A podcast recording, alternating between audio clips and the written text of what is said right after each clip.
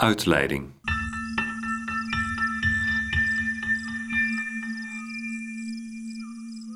De voorbije dagen heb je de tijd genomen om wat intensiever met enkele Bijbelteksten aan de slag te gaan.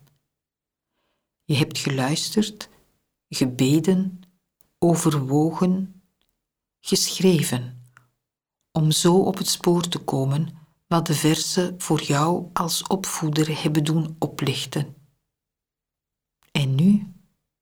Misschien kan je tijdens een gebedstijd je notities bij de podcasts doornemen. Net zoals de oorspronkelijke Bijbelversen verwijzen ze naar ervaringen. Naar de jouwe dit keer.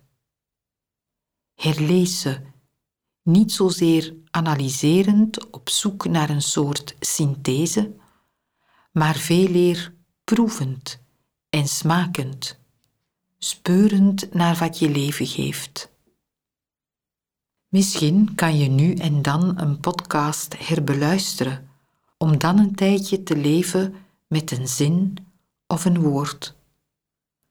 Het kan een soort mantra worden die je door de dagen draagt en je kan openen voor ervaringen waaraan je anders voorbij zou leven. De plaats waar je staat is heilige grond.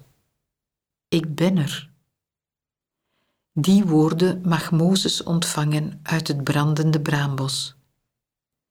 Die woorden klinken ook voor jou. Je mag erop vertrouwen. Hij is er, levend, meelevend. Het enige wat wij te doen hebben is echt aanwezig zijn in wat leven en werk ons brengen.